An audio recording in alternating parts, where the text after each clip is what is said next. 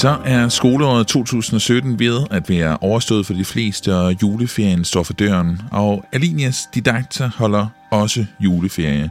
Og vi kan se tilbage på et begivenhedsrigt år, hvor vi sendte den første udsendelse helt tilbage i marts, så løbende gennem 2017 har sendt en lang række udsendelser om virkelig mange forskellige emner i relation til skole og læring. Og det markerer vi i denne 2017 special, hvor vi har klippet en lille kavalkade, der smager rundt i nogle af alle de interviews, som vi har lavet med lærere og skolefolk igennem året.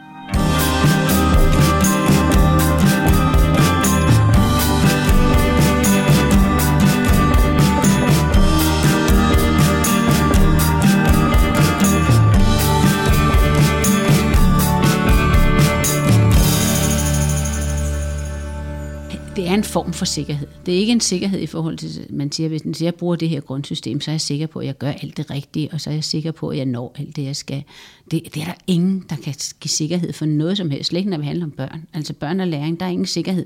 Vi kan godt blive bildet ind, men der er ingen sikkerhed. Mm. Der er nogle muligheder, der er nogle intentioner. Men der er en større, der er en større hjælp, altså der, er, der er et eller andet form for sikkerhedsnet i forhold til fagligheden, i forhold til udvalget. Men, men det er en illusion at tro, at der er et grundsystem, der kan alt. Det kan ikke lade sig gøre. Mm. Men der er nogle grundsystemer, der kan rigtig meget. Men der er ingen grundsystemer, der er et sikkerhedsnet, så lærerens tænkning og refleksioner bliver sat ud af kraft. Mm. Beklager. Det er, mm. det, der, det er det, der er essensen i den gode undervisning. Det er læreren, ikke? Ja. Men, men, men det er jo selvfølgelig en form for sikkerhed. Mm. Fordi de mennesker, der sidder og laver et grundsystem, nu kender jeg som sagt kun dansk, men, men der ved jeg da, der er vi jo nødt til at vide, hvad står der? Hvad, hvad er der fra ministeriel side nu? Hvad skal opfyldes? Ja. Vi er nødt til at have en faglighed i forhold til vores fag. Man tager også også en vinkling, altså vi ved jo godt, at, grundsystemer, og ligesom alle andre materialer, de har en, en vinkling, vi har forskellige fagsyn. Ikke? Mm. Men det fagsyn skal jo holde sig indenfor, vi kan, forlagene kan jo ikke udgive noget, som ikke stemmer med den virkelighed der er ministerielt. Så på den måde er der en sikkerhed. Mm. Der er også en, det vil jeg ikke kalde en sikkerhed, men jeg synes, der er en helt anden ting, der er vigtig i forhold til grundsystemer. Det er noget med æstetik. Ja. Og der, der har vi jo også, det er jo også subjektivt, hvad det er. Men hvis man så, jeg har været CFU-konsulenter, der, når folk kigger materialer, lærerne kommer så materiale der, så sagde de ofte, nej, hvor er det pænt. Og det sagde de ofte meget, rigtig meget, kigge på det, nej, hvor er det pænt. Det er fordi, der sidder nogle mennesker, der ud over, man, man har indholdsdelen, det er de for, lærebogsforfattere, der sidder. Så sidder der nogle redaktører, som går ind og arbejder med det, og så har man i tæt kontakt med layoutere, og de layoutere, de har jo så en hel billedside, en hel, altså deres æstetik skal jo spille sammen med det indhold, der er. Og det er jo også en, form for sikkerhed i forhold til motivation til ungerne, i forhold til, hvis ikke du har. Om det. Vi er jo nogle stykker, der har gået og prøvet at få skubbet på den vej, fordi vi godt kan se, at det er en stor nødvendighed. Eleverne er rigtig gode til at være digitale forbrugere, men øh, ikke ret gode til at være digitale producenter. De kan godt sidde og poste nogle billeder på Snapchat og komme med kommentarer på Facebook, og de kan også godt finde ud af som regel, at åbne Word og sætte nogle bogstaver efter hinanden på linje, og så prøve på billedet ind i. Men der er jo ikke så langt fra det, og så til, fra de gamle plancher, hvor de bare også har en masse bogstaver efter hinanden og klister nogle billeder ind. Så hvis de regulært skal være digitalt skabende, og være med til at skabe noget af det, ja, vores fremtid.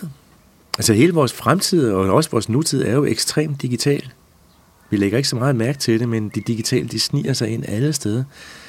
Og hvis vi skal kunne forholde os til det og kunne øh, bruge det, skabe og være lidt kritisk analytisk, så er vi nødt til at vide, hvad der er, der foregår inde bag skærmen.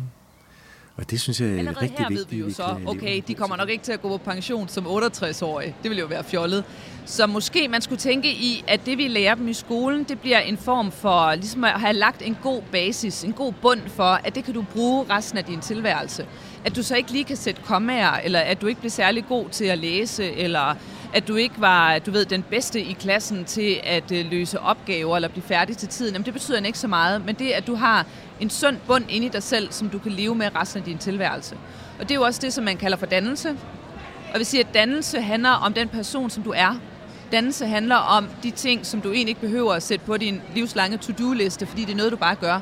Ligesom du børster tænder, eller jeg tager mig altid tid som mor med mine børn, når de har, når de har travlt. Men det er ikke noget, jeg sætter på min to-do-liste. Det er jo det, jeg er, så jeg ser det ikke som et stressmoment. Mm. På den anden side, så har jeg lige glemt min egen mors fødselsdag i går. det er enormt dårlig samvittighed, ikke? Og så sidder jeg og tænker på, at det er faktisk i høj grad uddannet af mig, at jeg er virkelig sådan en type, der altid glemmer den der slags ting. Mm. Så jeg tror, at det der dannelse bliver enormt vigtigt for vores børn, til ligesom at de finder ud af, at jeg er her. Det er min egen værdighed, det er min måde at være på, tænke på paven, ikke? paven i, i Italien har sagt, at, øh, eller undskyld for den katolske kirke, har jo sagt, at man burde sætte konfliktløsning på skoleskemaet, at sætte fred på skoleskemaet. Og det tror jeg er super vigtigt for vores børn, fordi at kompleksitet er også et vilkår. Altså det lange liv er et vilkår, kompleksitet er et vilkår de gode spørgsmål bliver meget mere interessante, end at komme med alle svarene. Det at kunne være altså god til at opsøge irritation og tolerere andre mennesker, har lige så meget lov til at være Altså det vil sige den fejlfri besvarelse, og det lyder jo i og for sig sådan rimelig tilforladeligt. Men problemet er jo, at, øh, at, at det ikke er specielt interessant eller produktivt for det danske samfund, at, at studerende bliver målt på korrekthed. Altså, det er jo ikke det, vi har brug for. Altså, Danmark har jo brug for innovative tænkere, altså inden for erhvervsliv og inden for videnskab. Inden for alle områder er det innovation, vi skal leve af. Øh, fordi at, øh, at øh, øh, altså vores industriarbejdspladser, de rykker og har rykket i mange år øh, ud af landet. Ikke? Øh, og, og der må man spørge sig selv, jamen, er det, giver det mening at måle øh, altså folks evner på deres korrekthed? Altså jeg tror grundlæggende set, at det er et administrativt ideal, som kommer fra den administrative administration, hvor det at lave fejl er, øh, er øh, det værste, man kan forestille sig. Og det har man så transporteret ud som et pædagogisk ideal nu. Men vi kan jo ikke leve af bogholdere. Altså vi kan ikke leve af folk, der tænker som bogholdere. Vi skal have folk, der tør øh, afprøve ny viden, tør fejle undervejs, fordi alt nyskabelse kræver, at man har en kultur, hvor det også er tilladt, at man kan fejle. Og der mener jeg, at det er uproduktivt og på lang sigt måske katastrofalt for Danmark, at man øh, uddanner mod korrekthed, kan man sige. Og gør det fra meget tidlig barndom, ikke? Og så op gennem hele systemet, også op til universitetet. Den perfekte besvarelse, altså den uden fejl, skal have 12. Og det gør jo, at øh, studerende, som jo er dybt begavet, hurtigt aflæser det her system og siger, jamen, vi skal sgu ikke prøve noget vildt af. Vi skal ikke øh, afprøve nogle vilde tanker i, i vores opgaver. Nej, vi kører den sikre vej og leverer, øh, så, fordi så får vi 12, ikke? Og, og, og det er, mener jeg er dybt problematisk, fordi øh, det, er ikke, det er ikke den tænkemåde, vi har brug for i Danmark. Altså, der er brug for, at man... Øh, altså, kreativ tænkning er grundlæggende set... Altså, det er jo sådan en buzzword, men det er grundlæggende altså, set en meget øh, simpel Det 21. århundredes kompetencer går jo ud på, at øh, vi som... Øh, eller hvad det er, man skal kunne, når man kommer ud på den anden side af hele det her, hele det her skolesystem. Hvad er det, man skal kunne på et arbejdsmarked, øh, øh, på universitetet, i gymnasiet og også i grundskolen? Hvad er, det, hvad er det, vi skal kunne nu, som vi ikke skulle før? Øh, og det, øh, det handler jo om øh, at samarbejde. Det handler om at kunne bruge IT til læring, og ikke bare IT for IT'ens skyld. Det handler om at, at kunne kommunikere, kunne være kompetent i sin kommunikation. Det handler om at kunne styre sin egen tid og være, være god til at, at, at, at have indflydelse på sin egen øh, måde at arbejde på, hvordan man bruger sin tid. Øh, og flere ting i den retning. Det handler også om at kunne bruge al den viden, man får alle mulige steder fra, sortere i den, og så, øh, og så bruge det, der er vigtigst for mig i det, jeg sidder og arbejder med lige nu. Altså hvis man sammenligner med den gang, jeg gik i skole, som var slut 80'er og start 90'er, så, øh, så kan jeg jo i hvert fald se, at, at øh, vi har nogle meget mere oplyste unge mennesker. De ved meget mere om samfundet, som jeg ikke vidste noget om dengang. Altså det var jo, jeg var lidt mere nu og her, og bare i den kassetænkning, der var. Der var fag, øh, som var, var, var der for fagenes skyld. Jeg vidste ikke rigtig, hvorfor. Jeg kunne ikke finde ud af at lave så meget tværfagligt. Det var ligesom bare... Mens jeg synes, de unge mennesker nu, de har sådan en strøm af viden udefra, som vi skal hjælpe dem med at sortere, og vi skal øh, hjælpe dem med at bruge rigtig godt. Tør, eller det gider de der mere besværlige øh, øh, læreprocesser, som projektarbejdsformen jo muliggør, hvor eleverne de bliver sluppet mere fri. Mm. Altså, den, gammeldags skole, som vi jo stadigvæk har rigtig meget i Danmark, fordi sådan ser bygningerne jo ud. De er bygget i industrisamfundet, mange af dem, mange af vores skoler, ikke? Mm. Der sidder eleverne på ræde række og kigger på læreren. øh, og lægger op til, at læreren står og formidler sandheden, og så, så øh, lærer de den på en eller anden måde udenad på den samme tid. Mm. Øh, og så ringer klokken, og så går de videre til noget andet. Og vi er jo for længst på vej væk fra, fra det øh, paradigme øh, mod en, en anderledes måde at arbejde på, men vi mangler stadigvæk at udvikle faget. Og det gælder jo ikke bare for dansk, det gælder for en masse af skolens fag, men skolen skal jo som samlet forhåbentlig bevæge sig hen mod en mere moderne måde at, at, øh, at lade eleverne arbejde på. Mm. Så det at kunne udvikle fagligheden, så den går hånd i hånd med, at man også får plads til at arbejde på en anden måde, og at man som lærer gider, tør måske, eller får lyst til at bruge redskaber til øh, at lade eleverne samarbejde mere produktivt og kreativt. Mm. Øhm, man kan sige, at øh, Kaliber er et bidrag, som er tænkt ind i sådan en, en som faktisk prøver at tage fat i øh, det, som man taler om som det 21. århundredes kompetencer. I hvert fald er inspireret af det på den måde, at øh, hvor man typisk siger, at det 21. århundredes kompetencer, det er jo øh, det er nogle måder at arbejde på, som man af forskellige grunde har en idé om, bliver mere, mere relevante, som, øh, som vi, jo længere vi kommer ind i, i det her århundrede.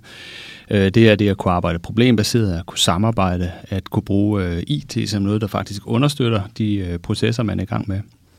Det handler om at inddrage øh, multimodalitet, at være kreativ og producerende, øh, og kunne styre sådan nogle processer, øh, og opbygge noget viden, der hvor det er relevant at opbygge noget viden. Så hvor man kan sige, den, den traditionelle skole øh, handlede om at erhverve sig noget viden og få nogle færdigheder, som var øh, kunne bruges til noget relativt bestemt, så er det her jo nogle mere nogle kompetencer, som, øh, som griber ind over de forskellige fag. De er jo ikke nødvendigvis kun noget med dansk at gøre.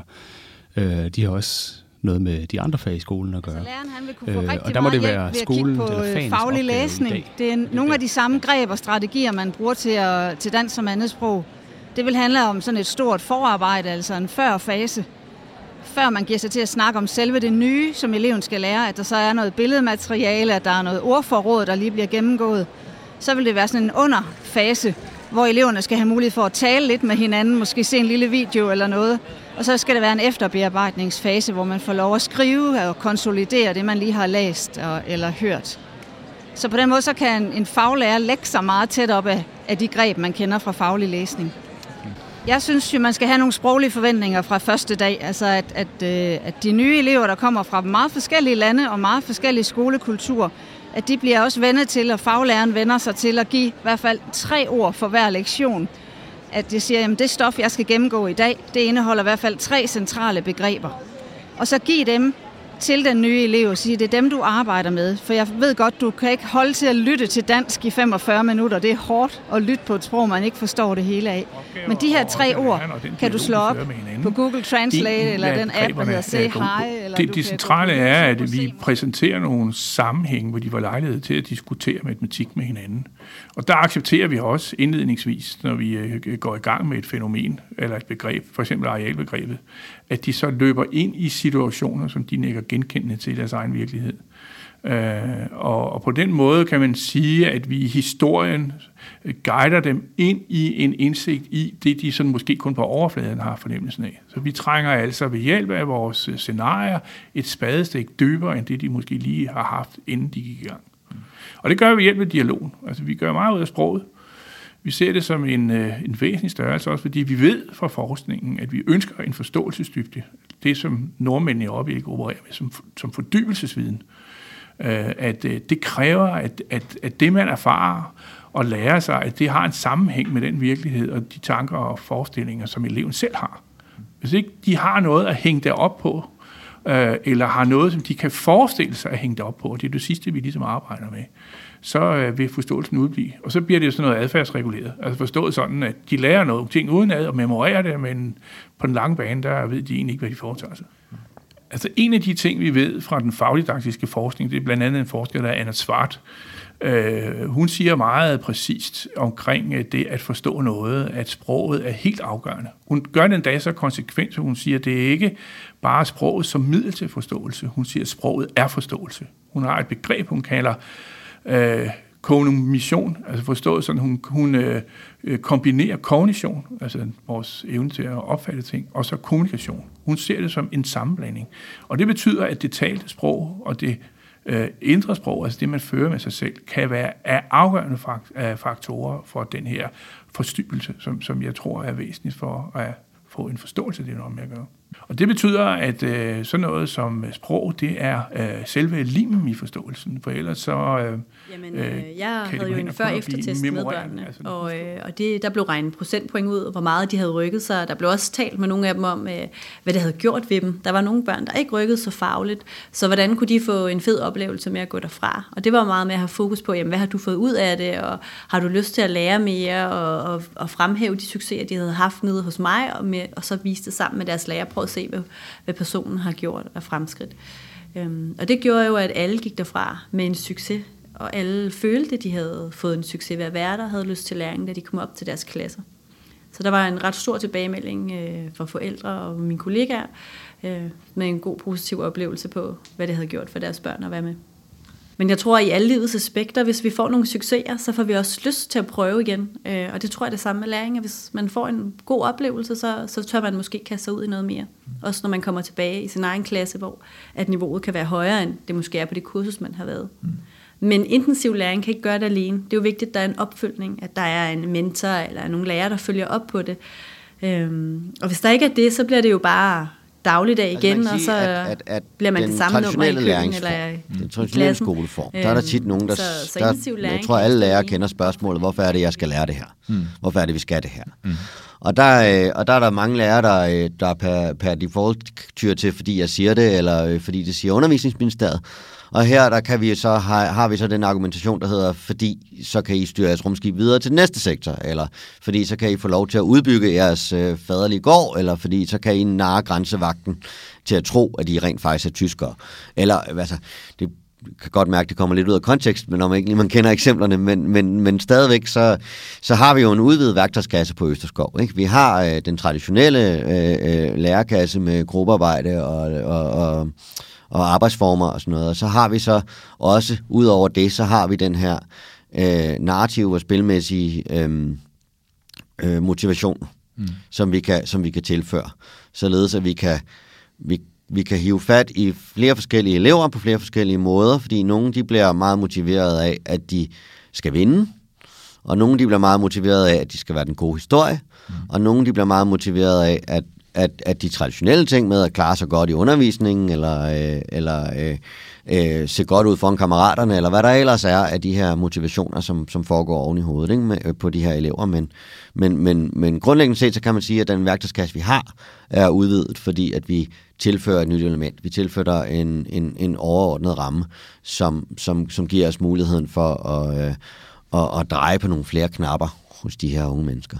Man kan sige, at unge mennesker, de de kommer sgu fra et eller andet sted fra en, fra en generation, hvor at, at, at, at den her sabberkultur og det her, øh, det her øh, med historier, øh, det er de blevet tæppebumpet med.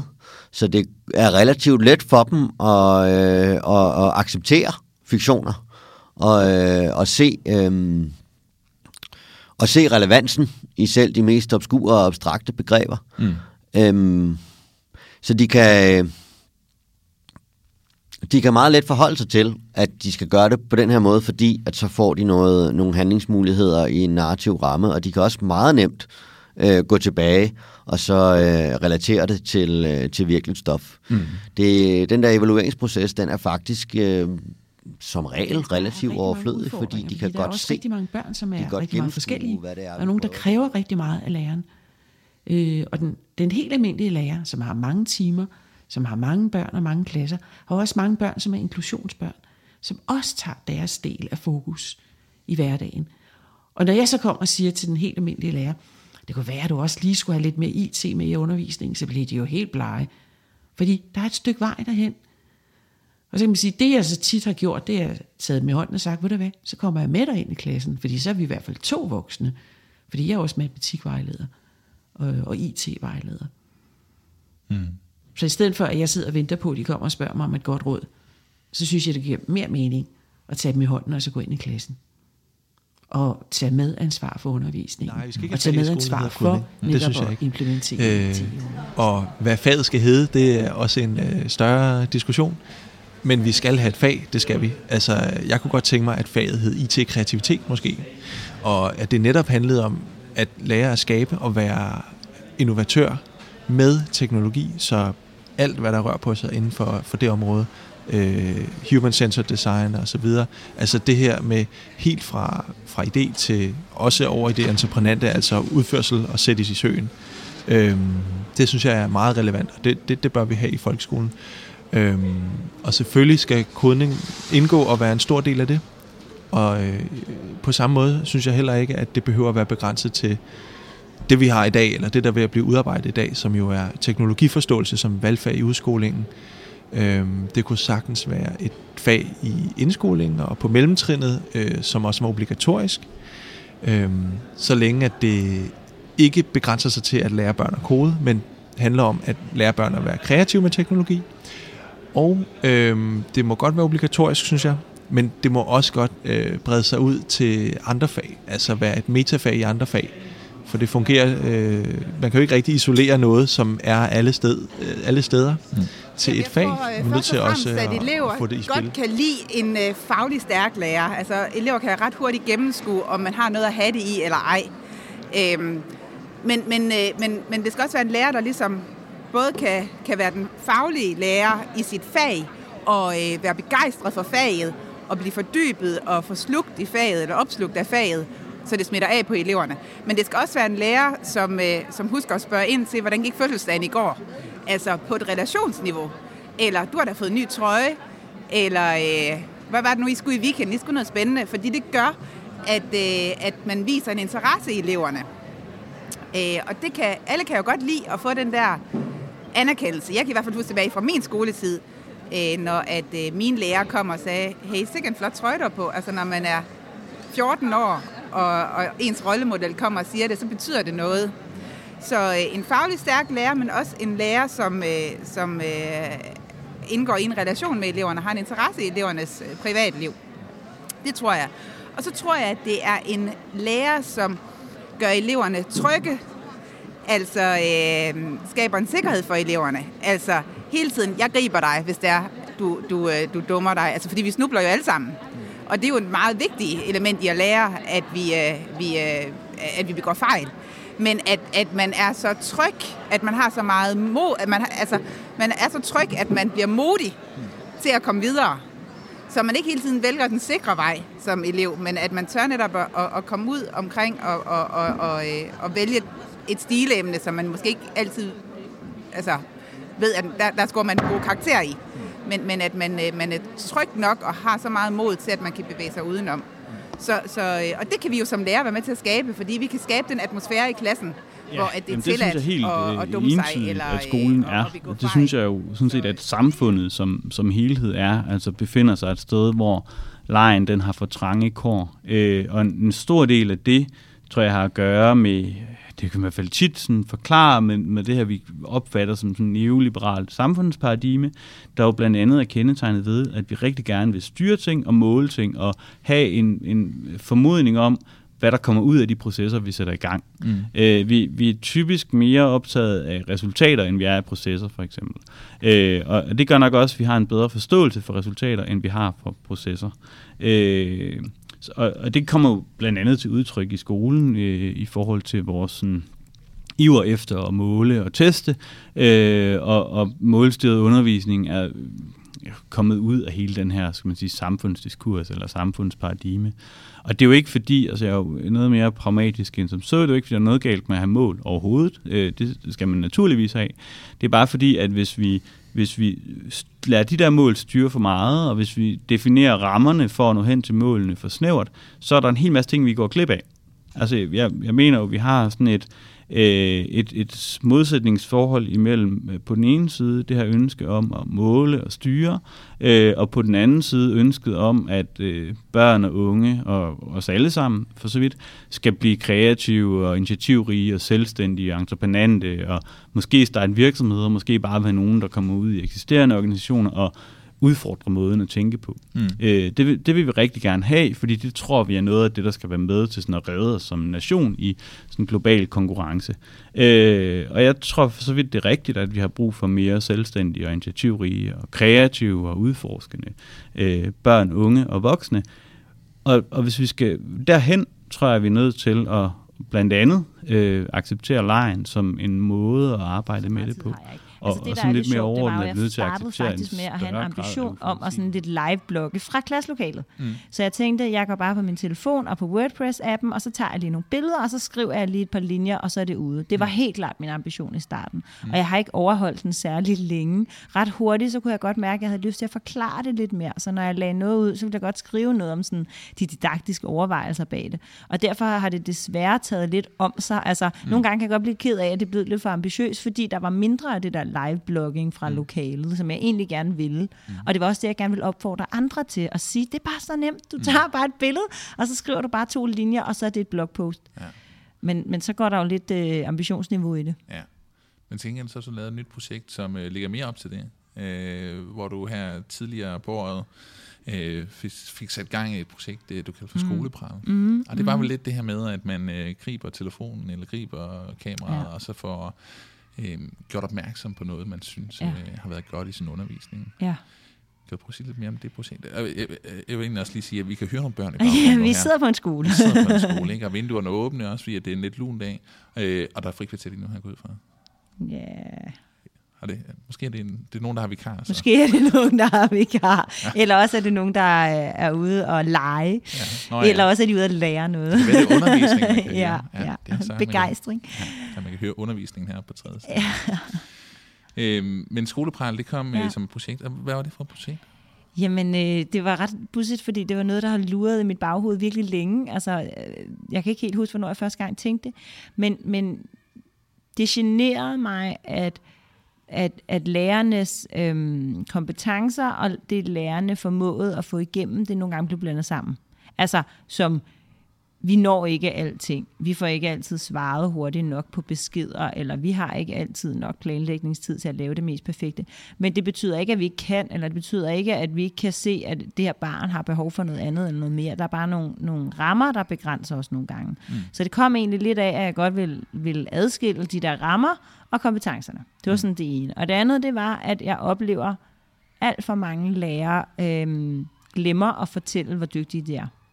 Og der er en eller anden øh, ydmyghed i lærerkulturen. Det er jo rigtigt, at der er øh, rigtig mange, der taler om digital dannelse. Øh, og det interessante er, når man ser, hvordan folk, forskellige folk øh, beskriver digital dannelse. De kan mene lidt forskelligt om det. Øh, nogen mener, at det har noget med, hvordan man opfører sig på nettet. Altså det at, at være klar over, at... Øh, at man, man, altså man skal beskytte sin identitet, eller man skal ikke, man skal ikke udtrykke sig hadefuldt, man skal være altså, hvad skal man sige, almindelig høflig og sådan noget. Det er, det er der nogen, der mener, at digital dannelse betyder. Så er der andre, der mener, at digital dannelse er knyttet til øh, den måde, som man kan anvende digitale medier. Og i begge de to øh, anvendelser af digital dannelse, taler man faktisk om noget andet end dannelse. Og, og, og det det, jeg synes er, eller det bliver problematisk, øh, når man vil bruge digital dannelse, og så tale om øh, god opdragelse, eller god opførsel, eller måden, man kan øh, bruge digitale medier, digitale værktøjer på. Fordi på den ene side, så bliver det til et spørgsmål om, om, om god opdragelse, som jeg lige sagde, og på den anden side, så bliver det til et, et spørgsmål om kompetence. Og alle, eller jeg har næsten alle, der anvender termen digital dannelse, kommer til at tale om en af de to ting. Og det betyder, at dannelsen faktisk forsvinder. Øh, hvis man begynder at tale om digital dannelse, eller i, i de, de steder, hvor man taler, og de folk, der taler om digital dannelse, de kommer næsten uværligt til at tale om enten god opførsel eller kompetencer. Og hvis øh, man hver eneste gang, man snakker om digital dannelse, egentlig taler om digitale kompetencer, øh, så, så glemmer man jo dannelsen, så forsvinder dannelsen ud. Så derfor er det ikke uskyldigt, når folk de taler om digital dannelse, hvis de kommer til at knytte det til måden, som vi kan, vi kan bruge digitale værktøjer på. Øh, så, så kan man sige, at, at det del, så deltager Det var alt, hvad vi havde at byde på i 2017. Vi har ikke været omkring alle interviews i den her udsendelse i dette sammenklip, men alle vores podcast udsendelser med alle interviews ligger som altid tilgængeligt på iTunes og alinia.dk-didakter. Mit navn er Anders Junker. Du ønskes en god jul og godt nytår af Alinia Didakter. Tak fordi du lyttede med i år. Vi er tilbage med mere podcast i 2018.